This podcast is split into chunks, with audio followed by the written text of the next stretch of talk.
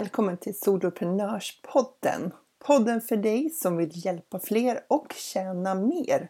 Jag heter Jill Nyqvist och det är dags att skapa stordåd.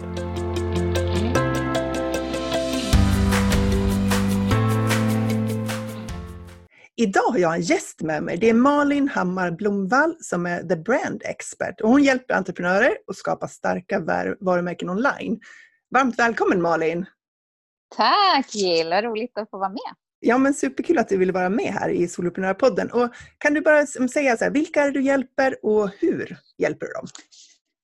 Eh, eh, jag hjälper främst eh, entreprenörer och mindre företag med att ja, bygga de här starka varumärkena online. Eh, och det gör jag på olika sätt. Dels så är det one-on-one business coaching om man kanske vill gå lite djupare och annars så gör jag också genom eh, brand retreats och genom min membership, The Brand and Business Lounge. Ja, just det. Och den ska vi prata lite mer om idag naturligtvis eftersom det här är en nördpodd om medlemstjänster. ja, och så glömde jag också bort att naturligtvis hjälper jag också företag att eh, se på helheten. Ja, vad, vad menar du då? verkligen, verkligen vill lyfta fram. Mm, då är det att eh, dels titta på strategi och även titta på allt från eh, varumärke som fonter, färger, feeling, eh, webben, brand funnel. Så, ja, allt från fotografier till, till hur du uttrycker dig online. Så det är en helhet när vi pratar om varumärke som är väldigt viktig att man får med alla delar av för att det ska bli riktigt bra. Ja, just det, så att kunder känner igen oss i alla kanaler som de möter oss i. Ja, det stämmer. Mm. Det där är ju lätt att tappa bort. Eh, jag är ju faktiskt medlem i din medlemstjänst. ja. ja, det är jättekul. ja, och du har ju hjälpt mig att, att liksom titta på det här med liksom hur man ser ut på Instagram och hur man ser ut på Facebook och på LinkedIn och alla kanaler som man nu liksom finns i. Och det, som soloföretagare så har man ju ganska många saker som man håller på med samtidigt och det är lätt att tappa någon sån där del. Mm, det stämmer. Ja, så då har det mm. varit lite bra att du är den som liksom påminner. Så här, ja, nu går vi in och tittar på hur ser profilen på Instagram? Så bara, ah, profilen på Instagram, shit! ja, jo, men det är jättelätt. Och det jag tror är viktigt där är också att tänka på eh, Många som startar upp tror att Åh, jag måste ha alla kanaler. Ja, det är jättebra för Google att det finns i, i många kanaler. Men sen behöver du inte använda alla. Du kan ha lägga upp dem som en grund, men sen så ska du välja en fokuskanal. En fokuskanal som du verkligen går all in för. Och sen kan du addera fler kanaler naturligtvis. Så att du inte mm. bara kör Insta. Utan du kanske har en del av din målgrupp även på LinkedIn eller Facebook eller någonting annat. Ja, just det. Men det är jätteskönt att få välja en fokuskanal som är så här, det, här, det är här jag lägger min huvudsakliga arbetstid eller mitt engagemang. Ja, för det är bättre att få en kanal att växa först innan du hoppar vidare till alla andra. Ja, är det, är det vanligt det där med att vi entreprenörer liksom tussar omkring och gör lite grann i alla kanaler fast det liksom inte blir något ordentligt i någon av dem? Ja, det är jätte, jättevanligt. Eh, det är ju så för att vi har lite popcornhjärnor, entreprenörshjärnor. Så det, det är ingenting konstigt alls. Eh, men det är bara att man behöver ta sig tillbaka till sitt why och, och jobba lite med sin fokuskanal. För det är då man ser de här stora resultaten. Men hur kommer det sig att du valde just att jobba med mindre företag? Då? Varför är du inte liksom, riktad mot de större eller medelstora? Ja, det har ju, ligger lite i min bakgrund. Jag har jobbat med stora företag och varumärken tidigare. Eh, men när jag bestämde mig för att starta upp så kände jag ändå att hjärtat ligger i att hjälpa de mindre. Jag känner verkligen att jag älskar att göra det. Eh, och när jag får frågan av, av andra, till exempel min man, ställde frågan, men varför, varför jobbar du inte med stora företag? Det är mycket mer pengar i det och så. Mm. Eh, men jag kände då att nej, det är det här jag älskar att göra. Det är det här jag känner att jag gör mest skillnad. För att stora företag har ofta en marknadsavdelning eller marknadsperson. Men vi småföretagare, vi har inte det. Och när jag har den här kunskapen och känner att, att jag kan hjälpa andra att applicera den i sina företag, då, då var det ett enkelt val. Ja, just det. Hur, hur länge har du drivit ditt företag? Vad heter ditt företag? Eh, det heter faktiskt Malin Hammar Blomvall så att jag jobbar ju med mitt eget varumärke och då är jag mig själv. Eh, och då kan jag också ha många olika delar under det, under mitt mm. paraply som jag brukar säga. Eh, och jag har, haft, jag har drivit mitt företag i, ja, vad blir det nu, fyra och ett halvt år. Mm. I maj, eller fyra och ett halvt år, eller fyra år och nu är det lite till. Ja. Mm. Tiden går fort. Ja, och hur kom det sig att du, för du, säger, du sa att du jobbade som, som anställd innan och hade liksom en, en karriär där. Ja, jag hade karriär. Jag hade karriär, ja precis. Och hur kom det sig att du var Eh, den jo, och jag, eh, Ja, det var så att jag var i Kina i två år med, med min familj som expat. Eh, och expat är när man är utskickad från, ja, från ett svenskt företag till exempel. Eh, och min man jobbade med plantageskogsbruk, att få upp det i Kina. Eh, och då var vi med och då var jag tjänstledig i två år. Och det var jättebra. Då fick jag känna på vad jag ville göra. Dels så gjorde jag lite projekt då på plats och även events för andra expats. Eh, eftersom jag, ja, man är lite yrkesskadad så man tycker det är kul att göra event och det här med nätverk och sådana saker. Eh, men det kom också mycket tankar på vad är det egentligen jag vill göra? Och vad är det egentligen som är viktigt?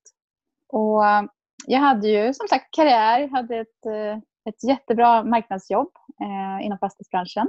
Eh, och så började jag fundera på men vad skulle jag vilja göra om jag fick göra något helt annat. Mm. Eh, och då min man sa att ja, om du kan starta företag och du kan bara sälja någonting. Då tänkte han produkter. Ja, Han hade inte en tanke på att jag skulle kunna sälja tjänster. Eh, och, och det där låg kvar lite. Och när jag kom hem så blev jag erbjuden ett chefsjobb. Gå från marknadschef till, eh, till fast, fastighetschef. Center manager på en shoppinggalleria. Mm. Och där var jag i två år. Men den här tanken gnagde. Jag älskade mitt jobb, jag älskade projekten. Det var stora event, stora varumärken, mycket ansvar, stora budgetar. Eh, men jag kände ändå att jag älskar att jobba. Och varför jobbar jag inte då åt mig själv? ja det. Eh, så det var faktiskt en, en tanke som, eh, som slog mig. Och till slut så kunde jag inte trycka undan den längre. Utan den här längtan efter att bygga upp någonting själv och bestämma över min egen tid och den frihetskänsla jag hade känt. Den blev så viktig. Och då sa jag upp mig. Eh, jag sa inte bara upp mig, jag flyttade då. Vi flyttade i samband med att min man bytte jobb eh, till Sigtuna utanför Stockholm från Värmland. Ja, just Och det. det var ju också, det var ju också eh, lite så galet kan man tänka. Att vi var bara här och gick och sen så kände vi att men här kan vi väl bo. Ja, se, oj, hittar vi ett hus. Och, ja, jag känner ingen här. Och, eh, fick jag bygga upp ett nätverk både online och IRL på ganska kort tid. Ja, just det. Så det blev en sån dubbel förändring för dig. Dels så eh, skulle du starta, liksom börja bygga upp ditt egna företag och jobba på, på egen hand och dels så, så var du i ett helt nytt sammanhang. Precis, och det är många som har tänkt det, men hur tänkte du? Eh, för att jag hade ju som sagt jättestort fint nätverk i Karlstad. Eh. Och här hade jag inget nätverk. Och det blev ju väldigt mycket nätverkande. Eh, och tyvärr inte så mycket tid för vänner och så, men eftersom jag också var tvungen att hitta nya vänner. Eh, men det jag gjorde var att omge mig med mycket entreprenörer. För man brukar säga de fem som du umgås mest med påverkar dig väldigt mycket. Och då Ja. såg jag till att när jag ändå inte hade några vänner, det fick jag sen, så, så omgav jag mig med massor med grymma entreprenörer. Jag pluggade entreprenörsböcker, jag lyssnade på poddar eh, och jag nätverkade mycket lokalt online med företagare här. Ja, för, att eh, för då antar jag att du inte i, liksom, i din närmaste sfär hade eh, andra människor som jobbade online eller som jobbade digitalt så här. Nej, ingenting vad jag kan tänka av nu. Nej, utan jag, jag började nätverka i grupper på Facebook och Ja. jag gick på nätverksmingel och jag, ja, både lokalt och, och online. Så att, eh, Men ja. var, var din tanke från början att du skulle jobba online eller skulle du, tänkte du från början att du skulle kanske jobba mer som konsulttjänster inom eh, branding och så? Eller hur var, hur var Eh, planen? Det, ja, planen var lite annorlunda. Det, det startade med att jag fick eh, coachingklienter som var expats och som hade jobbigt att flytta tillbaka. Och Det var någonting som jag kände eh, två år tidigare. Att när jag kom hem, det var jul, det var kallt, det var, det var, folk var sjuka, det var ingen som ville ses. Jag var bubblig och hade så mycket erfarenheter av mina år utomlands i Asien. Eh, Ingen var intresserad av att se bilder kändes det som. Ingen var intresserad överhuvudtaget. Man var tvungen att boka in alla, att man skulle träffa någon en månad tidigare och jag hade blivit så spontan och, och, och börjat se på livet på ett annat sätt. Så för mig blev det här en jobbig transition. Mm. Och det var det som jag märkte att det var fler som hade det behovet. Expats som flyttar tillbaka eller flyttar ut. För det kan också vara väldigt, väldigt jobbigt att flytta ut och lämna sin familj och sin, sina vänner och så. Så att, eh, min tanke var att ha fysiska coaching-samtal i Stockholm. Ja. Och det var också så det började. så, så började det innan jag fick frågan, men du har jobbat med marknad och PR. Skulle du kunna hjälpa mig med det här? Ah, så det var där du kom in på det här. För det, det slog inte ja. dig liksom, från början att du kunde använda den kunskapen att jobba eget? Nej, jag tror också att jag behövde koppla bort det lite. Jag hade gjort det. Jag har alltid jag har jobbat med tv, med radio, på, på tidning, i fastighetsbranschen. På alla sätt har jag alltid jobbat med marknadsföring, PR, reklam. Eh, och jag kände nog någonstans att jag ville göra någonting annat. Men jag märkte också att det var toppen att ha både coachingbenet och sen också konsultbiten. Att kunna hjälpa eh, entreprenörer med det jag faktiskt har gjort hela livet. Just det. Och hur såg liksom resan från, från det här liksom där du startade då för över fyra år sedan till nu? Hur, hur har liksom din verksamhet utvecklats över tid? Ja, eh, den startade som sagt med mycket fysiska coachmöten. Eh, och sen så kontaktade jag, jag tror jag kom i kontakt med Competencer. Det, var ett företag, det är ett företag som har en online där man kan, kan ha coaching online helt enkelt. Man skapar små rum och man har eh, kontaktinfo om varje kund. Och man kan boka och betala online. Jag tyckte det var smart och nytänk.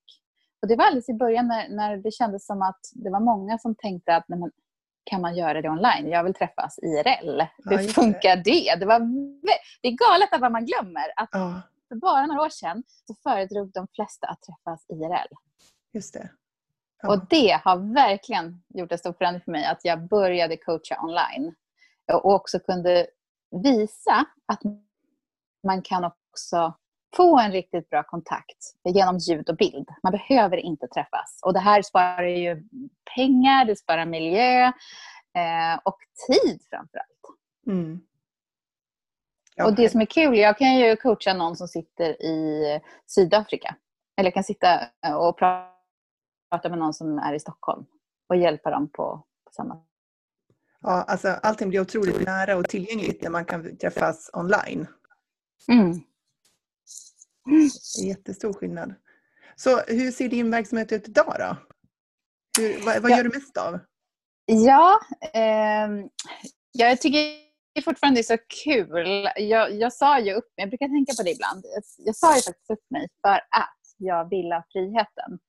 Eh, och friheten betyder att jag hela tiden måste tänka efter och titta på min affärsutveckling. Vart vill jag? Vart ska jag? Eh, och det jag gör och som jag fortfarande tycker är väldigt, väldigt roligt, det är just one-on-one coachning. Mm.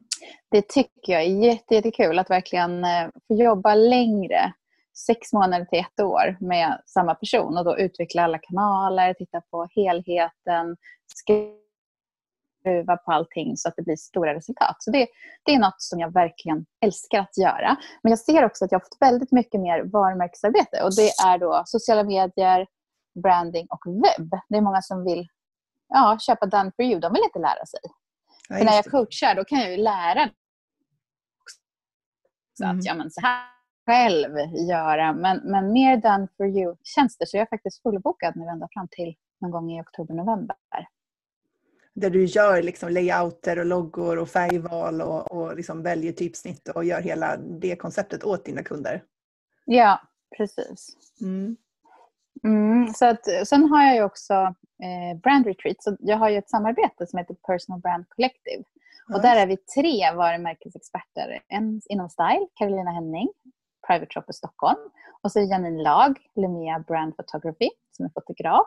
Och så är det jag som jobbar med varumärket i digitala kanaler.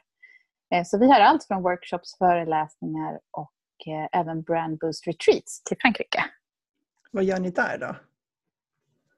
Där, alltså det är så kul. Det känner jag att det är en sån sak som jag önskar att fler förstod hur kul och bra det är. Eh, för att det är alltid hinder man ska boka. Man ska boka flyg och man ska eh, boka hotell och sen köper man ju våran tjänst. Men för de som tycker om att lära sig saker i en annan miljö så är det magiskt. Man kommer till vackra Sankt Paul de Vence som är min lilla by där jag har ett hus. Mm. Eh, och bara känslan när man kliver, kliver in där i byn är sådär helt magisk. Det är lavendel, det är sålet, det är härliga restauranger, det är vackra byggnader, eh, olivträd. Och så att få sitta där i skuggan eh, och få en one-on-one med mig när jag verkligen går all in och lyssnar på dig. Eh, det, det har visat sig ge grymma resultat. Och sen också få ta bilder där. Eh, mm. Vid stranden, beroende på vad man har för varumärke eller om det är i, ja, beroende på vad man vill ha för bilder. Och sen även Carolina som kan ta med en och liksom titta på helheten i personliga varumärket. Hur vill du att folk ska uppfatta dig? Just när det gäller stil, vad är det för person? Kan vi lyfta upp någonting? Så ja, så är det väldigt, väldigt kul. Man får träffa andra entreprenörer och skratta och ha kul tillsammans också. Så att man kommer tillbaka med väldigt mycket kunskap och, och energi och inspiration. Mm, jag kan tänka mig det. För det, dels är det ju superroligt att få prata business med andra företagare. och sen ja. är det ju också lättare att tänka nya tankar när man är på nya ställen. Eh, ja. Sådär, vi får ju lite andra tankar när vi tar oss själva till nya platser oavsett om det är i Sverige eller utomlands. Eh, ja. Så, eh, min upplevelse är ju att släkt och vänner är inte lika förtjust i att, att prata om mitt företag som jag själv är. Nej, men det kan ju stämma här också. Ja. Då är det ju perfekt att åka iväg med andra som nördar in sig på samma saker och älskar att prata om, eh, om eh, online-marknadsföring och webbinar och, och, inlägg på Instagram och diverse liksom, utmaningar. jo, men det, det, är så sant. Och när, när du säger det här så tänker jag också på att vår tanke med Person Brand Collective det är också att vi ska göra det på plats i Sverige. Så att det inte bara att vi ska ta det till Frankrike utan vi gör det ju även eh, saker här hemma. Och tanken är att vi ska ha ett riktigt retreat också. För jag tror att det är många som kanske inte kan åka iväg och, och som skulle uppskatta att ha det här på hemmaplan också. Mm. Och sen har du ju din, din membership som du säger. Jag säger medlemstjänster och en del säger medlemsprogram och en del säger medlemsportaler och, och, det finns ju alla möjliga namn på det här. Eh, ja. Men vad heter din membership då? Den heter The Brand and Business Lounge. Ja, och hur många medlemmar är det ungefär? Mellan 30 till 40 har ja. jag nu. Och när eh. startade du den? Vilket år var det? Ja du, det tror jag var 2018. Ja, för jag har varit en av de första som kom med i din membership. Ja. Ja, det är helt galet. Du är, du är otroligt vad du har varit med länge. Och det är galet man säger, jag tror det var 2018. Jo, eh, för att det finns då kurser. Jag har lagt upp kurser och, och ja, material från 2018 så att man har hela tiden tillgång från ända från start. det byggs ja. ju hela tiden upp ett karotek på, på ja. olika saker. Ja. Exakt, det blir som, en, som ett bibliotek man kan, eller ett arkiv då, eller en bibliotek man kan gå tillbaka till. Men hur kommer mm. det sig att du startade en, en membership då? För då, jag tänker att det, det är lite ovanligt fortfarande i Sverige idag, men då för två år sedan, alltså det har hänt mycket på två år. Så det var ja, inte supervanligt ja. då, tänker jag. Nej, det var faktiskt svårt. Jag kommer ihåg att jag la väldigt, väldigt mycket tid på att researcha och mycket amerikanska entreprenörer. Jag tror att det var någon eh, amerikansk entreprenör jag följde som började prata om memberships. Och eftersom jag vill jobba både internationellt och i Sverige så har jag alltid därför ja, men döpt mina kurser och, och, program och så till engelska namn. Mm. Det är mm. därför jag döpte det till The Brand Business Lounge. Och tanken har hela tiden varit att jag ska kunna erbjuda samma tjänst på engelska till en större målgrupp. Men eh, jag har ändå inte känt förrän nu att jag, varit, att jag har tid att ta steget. För när man är ensam i sitt företag då blir det så mycket olika bitar. Så att jag har känt att jag måste eh, göra den svenska delen bra först innan jag hoppar vidare och utökar. Ja, just det. Så, men vad var det som lockade dig liksom, mm. med just eh, membership-formen av tjänst? Liksom? Du hade kunnat valt satsa ännu mer på coachning eller vad som helst egentligen. Ja, det, ja precis. Det var nog att jag, jag vill ju ha friheten. Och med frihet så är det också bra att lägga olika saker under sitt paraply. Alltså inte alla ägg i samma korg som man brukar säga. Utan jag har ju till exempel passiv inkomst i form av affiliate intäkter. Det kan vara allt om att jag tipsar om ett, eh, jag ett e-mailsystem eller eh, Canva eller någonting. Så får jag en mm. liten kickback. Eh, och varje månad så har det byggts på. Eh, och det tycker jag är väldigt skönt att ha den, det extra benet i företaget. Och eftersom one-on-one coachning inte är så skalbart, man har ju inte mer tid. Nej. Tyvärr, även om jag älskar one-on-one coachning så är det ju väldigt många som säger jo men det börjar man med och sen går man över till gruppcoachning och sen går man, man över till ja, någonting annat. Och då kände jag ändå att nej, men jag älskar one-on-one coaching. Um, men att då också lägga till en membership, då blir ju det en form av gruppcoachning. Det blir ju coachning um, i grupp men att man också har ett bibliotek av resources som man kan gå in och plocka av. Mm. Det var så jag tänkte att jag ville, ville ha um, ett ben till i företaget. Mm, det som kunde kombinera lite olika delar som du gillade. Mm. Med både som coachningsmomentet då, och sen bygga upp eh, eh, olika hjälp, hjälpmedel på olika sätt. Ja, men det, det har ju varit så film, filmer och, och, arbetsböcker, powerpoints och, och sådär. Ja. ja, jag tänkte att det skulle vara en bra, eh, speciellt också för mina one-on-one-kunder, att de skulle också få möjligheten till ett nätverk och det tror jag har varit det vinnande konceptet just för min lilla membership. Jag har inte så många, jag har inte så många medlemmar men jag har ju kört på ett lite högre pris för att jag vill att man ska vara med längre, engagera sig eh, och också bygga på, på lite mer, jag tänkte att det ska vara kvalitet. Mm. Eh, och ja, också som sagt ett, ett nätverk eftersom vi är så ensamma som entreprenörer som inte hela tiden byter medlemmar utan det har ju varit så kul att så många är kvar. Eh, sen är det viktigt att hela tiden få nya medlemmar också. Men just att grunden har varit en trygghet i att de här vågar jag dela mina, mina tankar och funderingar kring tjänst eller ja, membership eller vad man nu vill göra.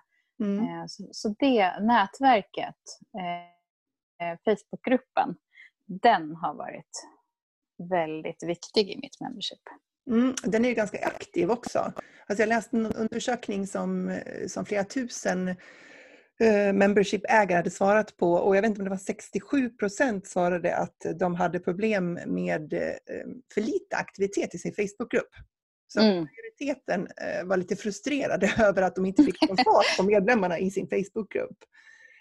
Men ja. hos dig är det rätt bra drag i Facebookgruppen, eller hur?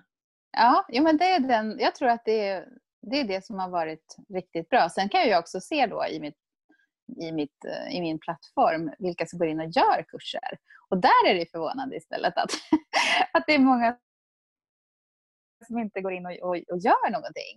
Eh, utan de är jättenöjda med att få ställa alla frågor och vara med på Zoom. Eh, mm. För då lägger vi även länken direkt till Facebookgruppen så man hittar dit och så. Mm. Eh, så det är olika vilket behov man har. En del vill in och plocka, en del vill inte det. Och det måste man respektera också, att inte, inte tjata eller att det här är tvång. Utan det ska vara som ett smörgåsbord, man plockar det man behöver. Men om du skulle beskriva lite grann vilka delar som ingår i din membership, då är det Facebookgruppen som är själva community-delen. Mm. Och eh, så har jag också två Zoom per månad. Eh, det här varierar sig lite. Ibland gör jag lite om för att jag blir lätt uttråkad och tycker själv att jag behöver jag behöver förnyelse och jag tror att ni också behöver det. Så just nu ser jag på lite nyheter. Men just nu så har jag två Zoom per månad. Eh, och en Zoom, det är då att man får en länk och så är det en timme på måndagar, eh, 9 till 10. Jag har även en VIP-grupp som du är med i också. Så där är en Zoom 13 till 14. Eh, det här är måndagar då. Och på Zoomen då kör jag Powerpoint eller bara checkar av att alla får prata med varandra och ställa frågor eller kanske dela någonting som man har ett problem kring. Eller kör jag mer undervisning då i form av Powerpoint där man kan lära sig mer om kanske Insta, branding, mm. någonting inom brand och business helt enkelt. Ja, precis. Och, alltså det var Zoomen. Ja. Och sen så har jag experimenterat lite kan man säga med bokklubb. Det går lite upp och ner. Ja. Eh, jag har tipsat om böcker men jag märkte att för mig blev det lite svårt för jag har, jag har ju hittat så många engelska böcker som jag tycker är mm. grymma. Men då vet jag en del tycker inte det är lika kul att läsa på engelska och det respekterar jag. Och då har jag haft svårt att hitta svenska alternativ. som har känts kompatibla med den boken jag läser.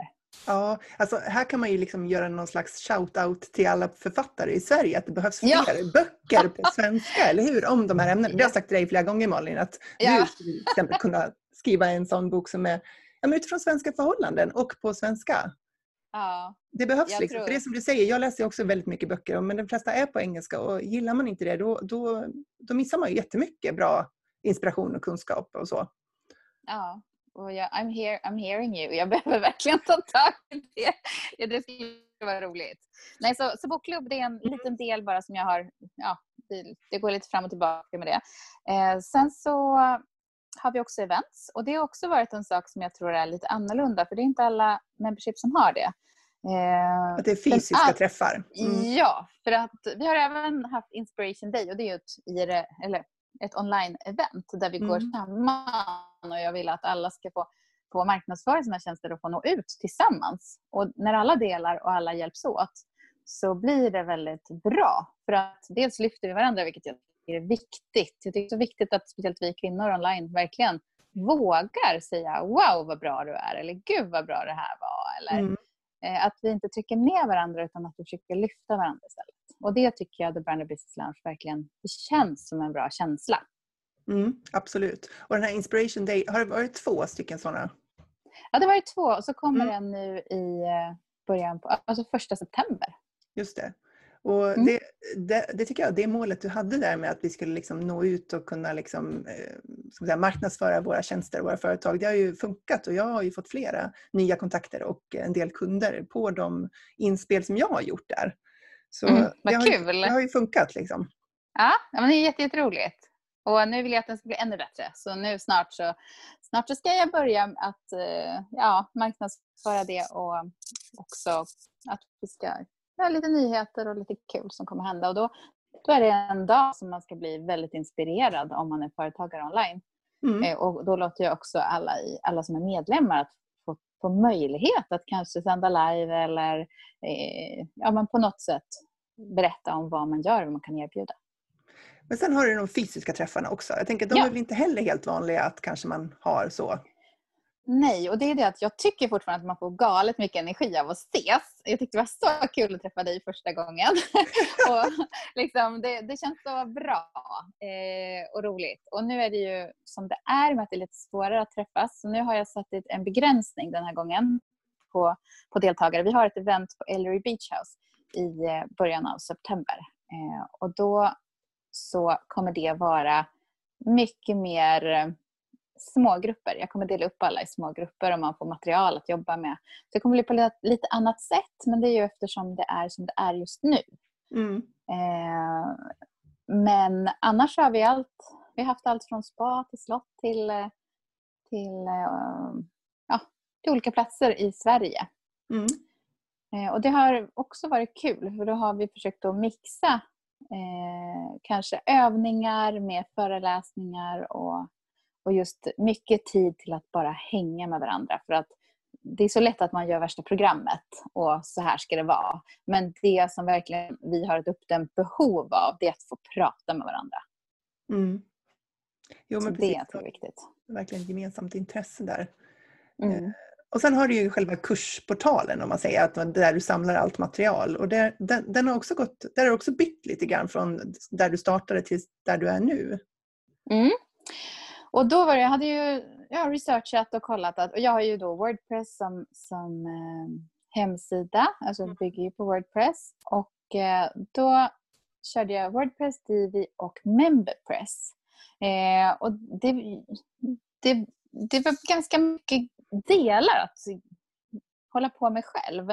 Eh, och jag saknade faktiskt en sån här snygg embedded checkout. En som liksom var on brand. För jag ville att det ska vara snyggt. Jag lyckades ju bygga, tyckte jag själv, min plattform ganska snyggt i Divi eh, så att det matchade, men, matchade webben. Men jag kände ändå att det saknades delar, au- automatiserade delar. Och jag vill att det ska vara snyggt eh, on brand och liksom modernt och funka. Och då började jag titta på en annan lösning. Och det är viktigt, tycker jag, att- tipsa om att Ja, det är jobbigt att byta plattform. När du har mm. valt en membership-plattform och ska få över medlemmar. Dels kan man tappa dem. Mm. För man kan aldrig tvinga över dem. Man kan aldrig göra det automatiskt.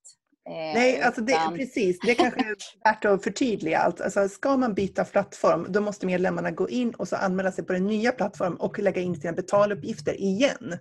Exakt, och då är det många som kan bara, nej, men nu ska jag nog avsluta. Ja, jag orkar inte eh, liksom. Nej, nej, men precis. Det blir för jobbigt. Det blir ja. ännu ett moment. Och, ja, de glömmer och det är det ena efter det andra. Så jag tror att det är jätteviktigt att försöka researcha eller prata med Jill som är expert på det här.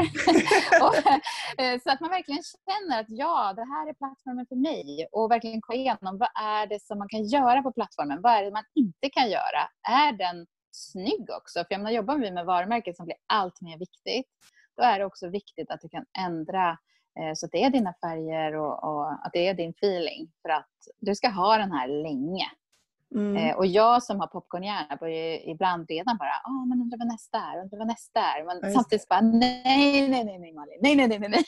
Kom ihåg hur jobbigt det var. Ja, jag, älskar, jag älskar den jag har nu. Men, men det är alltid så att det händer så mycket så fort nu. Mm. Eh, så det, är lite, det är lite av eh, ett, ett lotteri att välja eh, en medlemsplattform just nu känner jag. Ja, men du har ju Podia. Och det är också Podia jag använder när jag gjort den här webbkursen som handlar om hur man sätter upp sin medlemstjänst.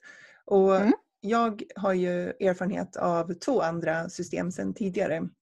Jag tycker att Podia är jättetrevligt också och, och rekommenderar det om, man, om det är så att man ska välja teknisk lösning. Så man måste ju välja vid något tillfälle när man sätter upp en medlemstjänst. Mm. Men samtidigt så är det så, för jag har ju, den medlemstjänsten jag driver, Funka med ADHD-vänner, den, den har mm. ju vi i Thinkific. Yeah. Det är ju inte lika snyggt system. Eh, det är lite klumpigt och det är inte lika, som du säger, on-brand. det är inte lika varumärkesmässigt. Det, går inte liksom, det, det, blir inte lika cleant och lika snyggt tycker jag. Eh, men det är mm. viktigt att säga ändå att yeah. det, den gör ju jobbet. Alltså yeah. du har betaltjänsten där, du har liksom mm. uppladdning av, du kan lagra dina videofiler där och du kan administrera mm. dina, eh, dina medlemmar och sådär. Så att, alltså, de här större lösningarna, de gör ju det de ska. Mm. Man behöver ha lite koll bara så att man kan fixa det här med moms och sådana saker så att det inte blir någon tråkig överraskning på det. Momschock. Nej, Momschocken sen och så. eh, ja. om, man, om man behöver ha behov av att redovisa moms om man säljer till företag och sådär. Men, eh, ja. men som du säger, det är eh, en procedur att flytta medlemmar. Ja. Mm. Absolut, och jag har ju också även provat Thinkific, Teachable, Kartra eh, och Mempress också. Då. Så jag har, jag har gått igenom några och testat innan så att jag inte slängde min direkt. Men jag tror också att det finns ingen ultimat plattform. Nej. Utan jag skulle vilja plocka lite från varje. Man skulle vilja... Ja, jag vet inte. Det, det finns ingen som jag känner är helt 100% klart. Men det här Kartra då, eller Kartra, eller jag vet inte mm. hur man säger mm. det där. Vad, vad, var, vad var din erfarenhet av det? Nej, det var inte on brand helt enkelt. Det, jag har sett så fula exempel. Jag, jag, jag mådde dåligt. Jag försökte verkligen och tänkte nej men det här blir bra. För det är mycket saker man kan göra i det. Mm. Eh, men jag kände eftersom varumärket är viktigt för mig och det är min, ja, den är central i min verksamhet så mm. kan jag inte ha ett system som är snyggt. Det går inte. Eh, så för mig, och lite buggar och så. Så att för mig så funkar det inte. Men jag tycker det är viktigt att, att skicka med att det behöver inte vara så för en annan eh, entreprenör utan det beror på vad man söker och vad man behöver ha. Eh, för Teachable och Thinkific, eh, jag tycker Thinkific som du har är, det tyckte jag, tyckte jag om på många sätt. Eh, ja. Så att det, det finns en plattform för alla och det gäller bara att först skriva upp för och nackdelar. Vad behöver du ha? Och, ja. Ja, och vad är prioriterat, precis som du säger? För för dig var, mm. var varumärket och att man skulle kunna få till det rent grafiskt eh, på rätt sätt eh, högt prioriterat. För att naturligtvis eftersom du jobbar med det du jobbar med. Mm. Eh, vi som driver medlemsklubb för föräldrar till barn med ADHD, de är ju inte liksom, det är ju inte största fokuset på hur det ser ut utan det måste ju vara lättillgängligt. Eh, Precis. Så det, man har ju olika behov naturligtvis. Men sen tänker jag också det här med um, e-posthanteringen. För du, du har ju ja. e-posthanteringen på sidan om, så den ingår inte i Podia. Det finns ju en möjlighet att mer skicka ut mejl via det och de utvecklar det hela tiden. Mm. Det har mm. kommit någon, någon uppdatering på det som jag hunnit titta på. Även att integrera Zoom, alltså att kunna sända live eh, via eh, Podia. Eh, så hela tiden utvecklar de. Det är det jag älskar, att de har ett bra supportteam och de hjälper till på många sätt om man bara chattar med dem. Mm. Eh, men det jag kände med, med mejlen är ju att jag har hittat några olika system som jag älskar. Och då har jag hittat Flowdesk som jag tycker är så snyggt och så kul. Det har blivit kul igen att skicka e-mail. Det har blivit kul att göra liksom, opt-in-former. Jag, jag tror jag tröttnade lite för jag skulle sitta och hjälpa kunder i MailerLite som då var mitt tidigare system och även Mailchimp som jag inte är så förtjust i. Då. Eh, och det är inget fel på Mailchimp men det är bara inte... Jag tycker bara det går fortare, lättare i det här och då kör jag på det. Mm. Um, och när jag väl hittade det så blev allting väldigt enkelt och kul. Och, ja. Men Flowdesk, det, integrerar du det då med din eh, Wordpress-sida med Divi där? Så det finns en koppling däremellan? Eller har du bara landningssidorna till e-postlistan via Flowdesk? Eh, jag gör ju mina opt-ins i Flowdesk. Ja. Och sen så använder jag ju dem. Jag integrerar dem i min Divi. Så det är så ja. enkelt. Det är mm. så enkelt mot tidigare e-mail light där jag höll på att bli galen. Eh, så går det här så fort och jag älskar när det går fort och så älskar jag det riktigt mycket för att det är snyggt. Så mm. det passar mig helt enkelt och eh, jag vill gärna kunna leverera ett helt paket sen till en, en kund att säga den här webbsidan, den här e-postleverantören mm. och ja, ett, ett helhetspaket som är on-brand. Det är viktigt för mig att kunna erbjuda mina kunder. Mm, så det hänger ihop och är enkelt att jobba med hela vägen. Ja. Mm. Eh, det är ju det är en fråga som jag, jag får ju mycket frågor just kring det här liksom, tekniken, alltså val av teknik. Och då är det ju både eh, teknisk lösning för nyhetsbrev eller e-postmarknadsföring och sen är det teknisk lösning för själva kursplattformen och så diverse så. Och mm. jag tänker att det är många som tittar väldigt mycket på priset när man väljer eh, yeah. vad man ska, liksom, vilken teknisk plattform man ska ha. Så jag mm. tänker att det är viktigt att man kommer ihåg att titta på vad det innehåller. För tittar man på till exempel Kajabi så in, har de lagt större krut på själva online-marknadsföringen där med e-posthanteringen. Yeah. Mm. Eh, och då kostar det mer jämfört med eh, Thinkific till exempel som inte har lagt så mycket krut på nyhetsbrevshanteringen. Så att man mm. bara förstår vad det är man får när man bestämmer sig. Det är viktigt, för det är många som tänker att Kajabi det är jättedyrt. Men eh, jag tror jag tror, och nu älskar jag Flowdesk så att jag kanske inte var intresserad av Kajabis den del just nu. Men jag tror att man ska absolut tänka sig för som du säger. Och det här kommer också med, med, lite med åren när man är företagare. Att i början skulle man ha allting gratis och det skulle, man skulle prova sig fram och så. Och nu är jag så här, jag betalar gärna Flowdesk. Eh, och det som också är bra med det och andra, eh, alltså Pode till exempel, det är att du har affiliate-möjligheten. Att tycker du det är bra, och det är det som är så viktigt att, att trycka på när det gäller affiliate. Om man inte kan stå för det och inte tycker det är bra, men om man älskar det, då vill man ju tala om det här använder jag och det mm. funkar jättebra för mig. Tänk om du också skulle testa det. Då får man ju dels spara, du får ju tillbaka de här 19 dollarna per månad Eh, för att delar jag en länk så får, ju mina kunder 19 dollar i månaden istället för 38. Och mm. kör man då affiliate på det själv, att tipsa om att ja, men, oj, det här är så bra, det här är mitt nya system. Då så kommer det in pengar den vägen också varje månad. Eh, så att det betalar sig helt enkelt. Så att man ska inte titta bara på oj, det kostar pengar varje månad. Utan tänk också på om jag investerar i det här, vad kan jag få? Mm. Få ut av det. Precis, man ser lite grann på helheten. Och det är ju lättare att, att vara lite generös på det viset när man har börjat tjäna lite pengar. Det är svårare när man precis startar och kanske inte har fått yeah. sina första kunder än och varje krona känns jätteviktig och det känns som att man bara har massa utgifter men man har liksom inga intäkter och då, då, klart yeah. att då vill man ju börja med gratislösningarna. Mm. Eh, jag började med Mailchimp och jag kan inte tänka mig ett fulare e-postprogram än det. Men det fungerar. Det fungerar. Ja, men det gör ja. jobbet liksom. Det gör det absolut.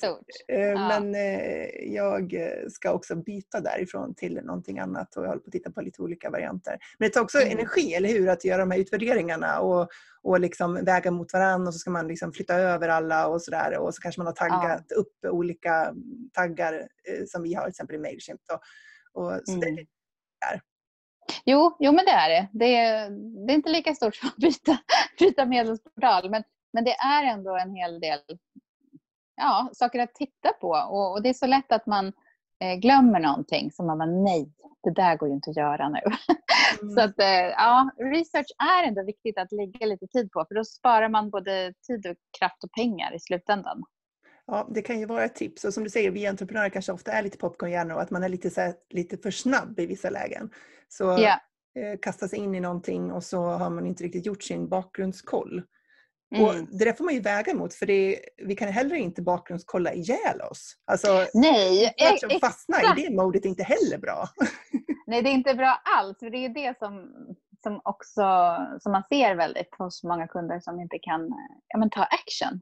Mm. Som, som vill tweaka och ändra och, och grotta in sig väldigt mycket. Och, och, eftersom allting går så snabbt så är det också viktigt nu i det här digitala landskapet att man inte bara tänker på att allt ska vara superperfekt utan att man faktiskt gör.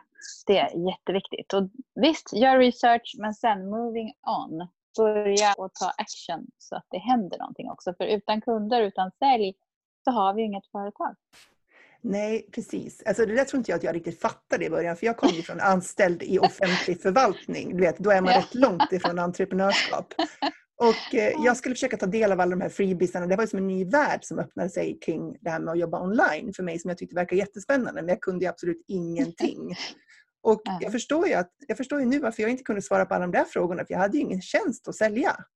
Alltså, mm. det spelar ju ingen... Liksom, det tar ett tag att eh, utkristallisera vad det egentligen är man ska hjälpa till med, vilka problem man ska lösa. Och innan man har liksom, eh, vad ska man säga, ramat in det där, mm. då, då, då blir det väldigt svårt att göra alla de här sakerna. Med liksom att man ska vara tydlig och man ska finnas ute där och man ska liksom, det ska se bra ut. och så där. Men man har liksom inget mm. innehåll för man har inte landat i vad är det för någonting jag ska hjälpa till med egentligen.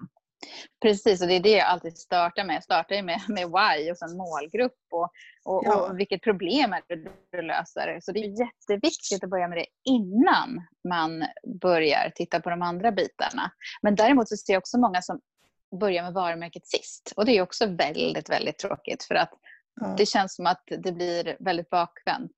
Och man tror att ja, men, branding och så, det är inte så viktigt. Det, nej. nej det är inte så viktigt. Men men så märker man att oj, gör jag det här på rätt sätt och hela tiden kontinuerligt.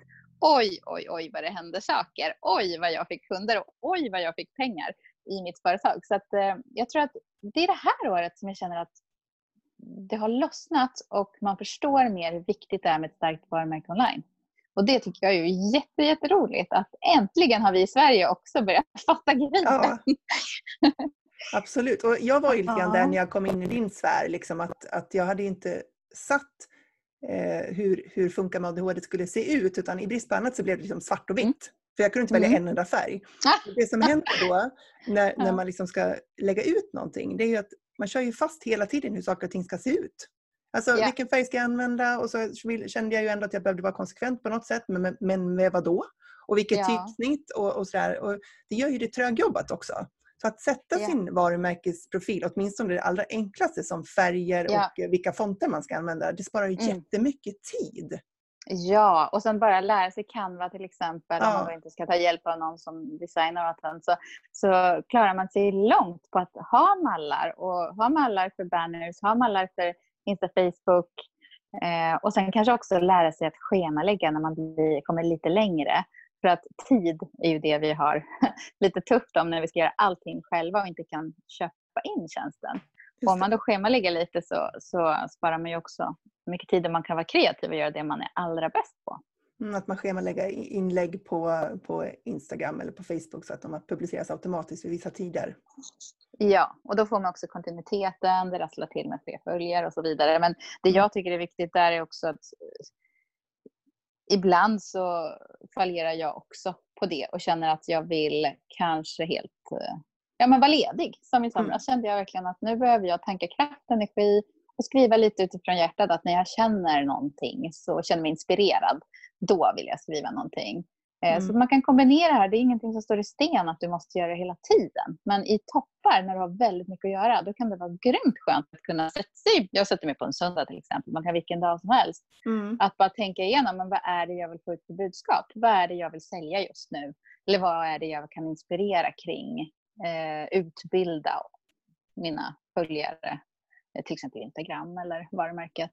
Mm. Eh, och då sker det automatiskt och eh, du kan koncentrera dig på att skriva en bok eller göra, göra det du vill göra. Precis. Men din, eh, din membership då, kan man gå med i den när som helst eller vad har du för upplägg på det? Nej, den är stängd just nu men kommer öppna nu till hösten. Eh, just nu så kan man signa upp sig på min väntelista och då kommer man få ett eh, trevligt erbjudande när jag öppnar igen. Mm. Och det här har jag börjat göra för att just kunna koncentrera mig på medlemmarna och inte behöva hålla på marknadsföra hela tiden. För det var inte så från början att du hade öppet hela tiden och då kände du att du liksom behövde marknadsföra och promota medlemstjänsten hel, ja, kontinuerligt? Ja, jag tyckte att jag tycker att det känns bättre att stänga till den ibland och sen också då blir det som en liten lansering. Mm. Eh, där man också kan ja, men planera in något kul och, och också någonting som jag precis har börjat med är att eh, medlemmarna kan få vara affiliates. Och då har jag satt en ganska hög affiliate-peng för att jag vill att de är nöjda över mig i flera år en del. Mm. Och då mm. kan de ju stolt säga, men det här tycker jag du skulle gå med i. För det här är, har hjälpt mig väldigt mycket.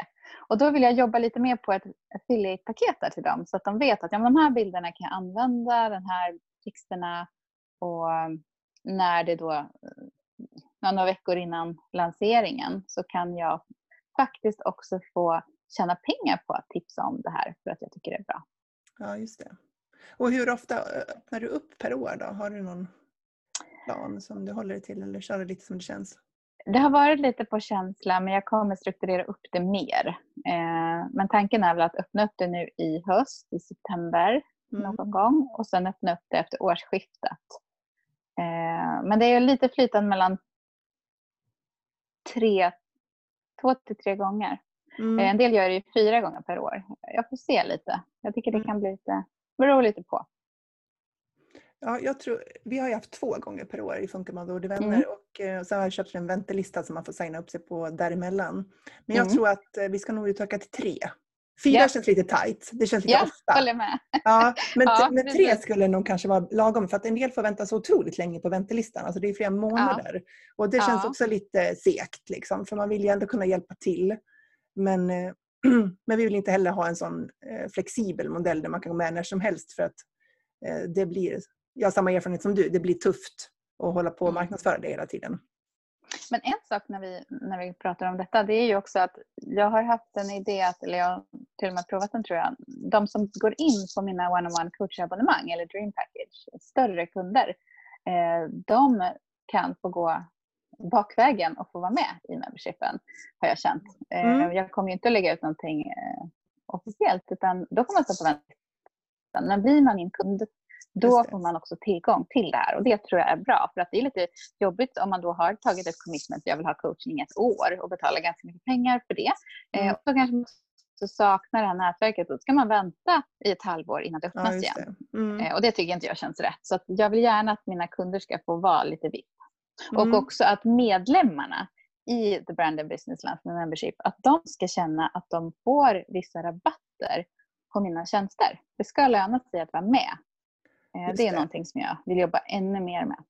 Ja, så att då har du särskilda priser till, eh, till de som är medlemmar. Men du, men du erbjuder ändå coachning för icke-medlemmar, är det så?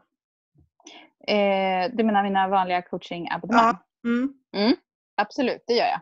Mm. Eh, så det, det gör jag. Men jag, jag har haft mer tidsbestämda erbjudanden till eh, membershipen. Men där har jag också funderat på om jag ska ha mer stående. Att man vet att ja, men jag har alltid 1000 kronor rabatt på den här ja, tjänsten. Mm. Eh, så där har jag inte riktigt landat i igen hur, hur det ska se ut. För jag är ju väldigt spontan och då kan det vara så här, nej men nu kanske jag vill göra det här. Här får ni en rabatt om ni vill prova på det här.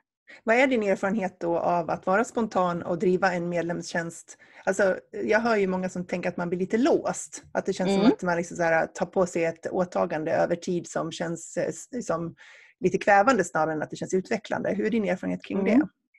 Jo, och det, det är jättevanligt. Jättemånga som jag också har coachat som säger att ja, jag vill starta en medlemsportal men orkar jag verkligen hålla på sådär? Orkar jag bestämma att jag ska köra två Zoom i månaden, att jag ska göra si och så? Att jag, tänk om jag känner, jag orkar inte göra någonting nu eller jag, jag har ingen inspiration.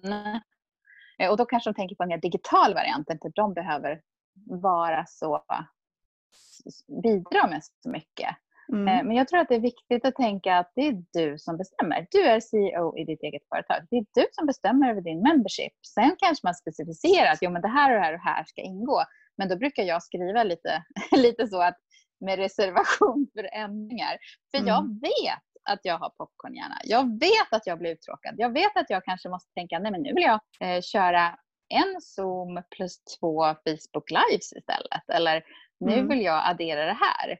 Eh, och jag tror att det är jätteviktigt och det finns alltid möjlighet för medlemmar att faktiskt tänka att nej men nu vill jag gå ur. Och då är det inga hard feelings utan utan that's life. Man är mm. med ett tag och sen så, så kanske det är någonting annat som lockar. Eller man kanske känner wow, nu kommer det en massa nyheter, gud vad kul. Det här vill inte jag missa, så är man kvar. Mm. Så det viktiga är liksom att inte ta på sig för stor roll. För det, det är det vanligaste och det jag kände själv att jag trodde att jag skulle hela tiden dunka in massor med material på portalen. Och sen ser jag att de flesta inte ens gått in eller orkar inte. Det blir overwhelm. Och då mm. kanske det är bättre att landa i, men tänk så mycket värde jag tillför på mina Zooms. Tänk så mm. mycket värde eh, genom att jag finns där och kan, eh, man kan svara på frågor på Facebookgruppen. Mm. Um, så jag, jag, tror inte att vi ska vara så rädda för att starta upp utan ta action och gör det istället. Ja, precis. Att man, eh, för det är många som tror att man måste ha liksom ett helt bibliotek när man sätter igång sin medlemstjänst. Men ja. I själva verket så kan man också tänka sig att man bygger upp den tillsammans med medlemmarna över tid. Ja, för att det är också det. Det är så lätt för mig att tänka in att jo, men det här och det här och här vill jag ha. Och sen kanske det visar sig i gruppen att ja, men det är jättemånga som kanske är sugna på att levla upp. Jo, då behöver man den informationen in i medlemsbiblioteket. Eller har jag mycket nystartade företag? Ja, då är det mycket basic som behövs. Mm. Eh, och det här är också viktigt att känna in. Vad har jag för målgrupp i min membership? Så att jag kan forma och skräddarsy till dem. Ja, men hur gör du där? Hur, hur tar du reda på vilka du har då? Har du så enkäter eller ställer du frågor eller hur liksom håller du dig ajour mm. jag tycker jag märker det. Sen kan jag bli bättre faktiskt skicka ut enkäter. Det har jag inte gjort. Eh, det är en tids, tidsaspekt på det säkert med att jag gör för mycket saker.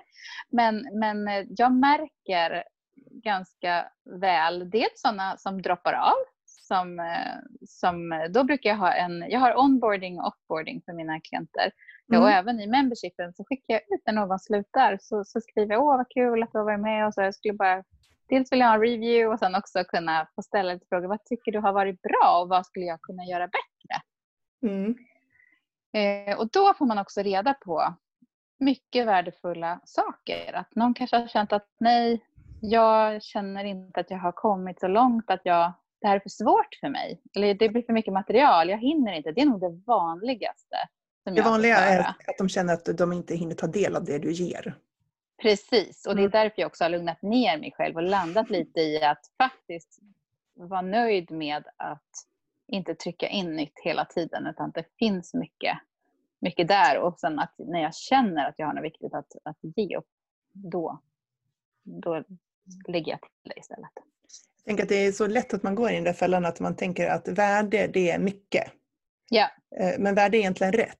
Alltså det som är rätt material. För att om jag kan lära mig någonting på en kvart så gör jag hellre det än att jag lär mig på tre timmar. Jag känner inte att yeah. jag har värde för det. Och det där är nog, det är nog också en mognadssak tänker jag. Att man blir trygg i att, eh, att eh, det här är det som behövs just nu. Och yeah. att man behöver inte ge liksom alternativ B, C, D och E också. Utan det räcker med de här två första stegen. Liksom. Absolut. Och så tror jag att det är viktigt också att tänka att det inte är personligt. Om någon går ur så är det inte för att de inte tycker om mig som person. Oftast inte, men man vet aldrig. Men, nej, men det är viktigt att, att, att tänka så. Och mm. eh, också eh, ja, men, känna sig trygg i sig själv och eh, inte ta saker personligt. Utan eh, det här är business och det är känslor i det också. Och mm. En del vill ha mer, en del mindre. Och bara att man fokuserar på att göra sin sak och det man, man vill skapa helt enkelt. Ja, och så kan det ju vara så att någon lämnar för att de inte gillade just dig eller just mig. Yeah. Och då är det ju fine för att då gillar ju de någon annan. Jag tänker vi yeah. för alla. Det måste ju få vara okej. Okay. Eh, men jag tänker att det där är ju en jättemognadsfråga för jag höll ju på att dö så liksom bara någon lämnade Ja. en e-postlista i början. Ja, Bara det ja, kändes ju det- personligt. Så jag menar att folk hoppar av ens medlemstjänst då känner man ju så hjälp! Ja men precis. Jo, men det, jo, men det, jag har också känt att nej, åh det här var jobbigt. Eh, och sen så fortsätter man ändå följa på Insta och Facebook och så börjar man tänka, men vad var det hon inte gillade? Ja. Och var det inte tillräckligt? Man blir knäpp. Det är bara att släppa det där och, Ja. och tänka, dels också tänka på att faktiskt, det finns ju en tid för allt, man kan inte vara med forever hela tiden i någonting. Det finns ju ingen stor entreprenör som har folk forever i sin medlemstjänst. Amy eller ja, vem som helst Nej. så tänker jag på att ibland är det så att det inte klickar. Eh, Mm. Jag kan se att de som har gått ur och mot de som är kvar, där ser jag målgruppen. Jag ser också att det är sådana personer som jag kanske egentligen inte attraherar alls. Det är ingen som jag kanske skulle ha coachat one-on-one eller som skulle ha köpt mitt dream package. Så ja, det, det är väldigt, väldigt viktigt att inte må dåligt av att folk lämnar. Mm. Precis, och där behöver man köra lite självcoachning tror jag. Man måste prata med sig själv Ja. när man känner att man börjar liksom spåra ur i analyser kring "Åh, varför, varför, varför. Liksom. ja, absolut. Men Mm. om du skulle eh, ge något så tips till någon som är, står i startgroparna för att starta en medlemstjänst, vad skulle det vara då? då? Vi ska avrunda där. Mm. Eh, det skulle vara att starta, att våga, att göra. Att allt det andra kommer sen. Du kan bara starta. Har du en grund, har, alltså jag skulle säga se till att du har ett varumärke först. Mm. Det blir mycket enklare. Eh, Men har du ett varumärke, att du vet hur det ska se ut, eh, du har bestämt att ja, men det är det här jag ska erbjuda, eh, då kan du börja direkt och så kan du ha bara en månad klar. Du kan ha en månad klar och sen kan du bygga på det här eh, as time goes. För det är Mm. så faktiskt jag har gjort. Jag har bara haft en månad och sen så bara, jaha, jag ja, utvecklar det med tiden. För då kan du också utveckla det tillsammans med dina medlemmar. Just det, och kan man göra det tillsammans med medlemmarna så träffar man mer rätt. eh, Ja. Utifrån de medlemmar man har, men sen kanske man också vill styra lite grann mot de medlemmar man vill ha in framåt. Och då handlar det också mycket Precis. om marknadsföringen och kommunikationen kring det. Ja. Mm. Mm. Så Men du, det tusen, det. ja, tusen tack Malin. Det känns som att vi skulle kunna prata om det här hur länge som helst. ja, men det är superkul. Det, var, det är jätte, jätteroligt eh, att prata om det här. Det, vi brinner ju för det båda två. Så det Ja, ja, jättekul. det finns mycket nörderier så jag kanske får lov att återkomma och, och fördjupa oss i någon del av detta längre fram i podden. Men om Ja. man vill eh, följa dig, om man vill få reda på mer om dig, vart, vart, vart hittar man dig? Då hittar man mig på www.malinhammarblomvall.com och eh, Blomvall med W. malinhammarblomvall.com eller Malin Hammar Blomvall på Insta och samma på Facebook. Sen finns jag ju på LinkedIn och på, på en hel del andra kanaler. Men Instagram är ju min då fokuskanal. Så där kan ni hitta mig och då har jag ju även ett linktree där man kan komma vidare till allt annat kul jag har. Se vad du kan hjälpa till att erbjuda. Mhm. Ja, Men mycket bra. Tusen tack för att du var med. ja men det har varit jätte- jättekul. Tack för att jag fick vara med. Och du som lyssnar, gillar du det här avsnittet så ta en skärmdump på det här klippet och lägg upp det i din story på Instagram och tagga både Malin Hammar Blomvall och soloprenör.nu så ser vi att du har gillat det här avsnittet. Ha det bra! Hej då!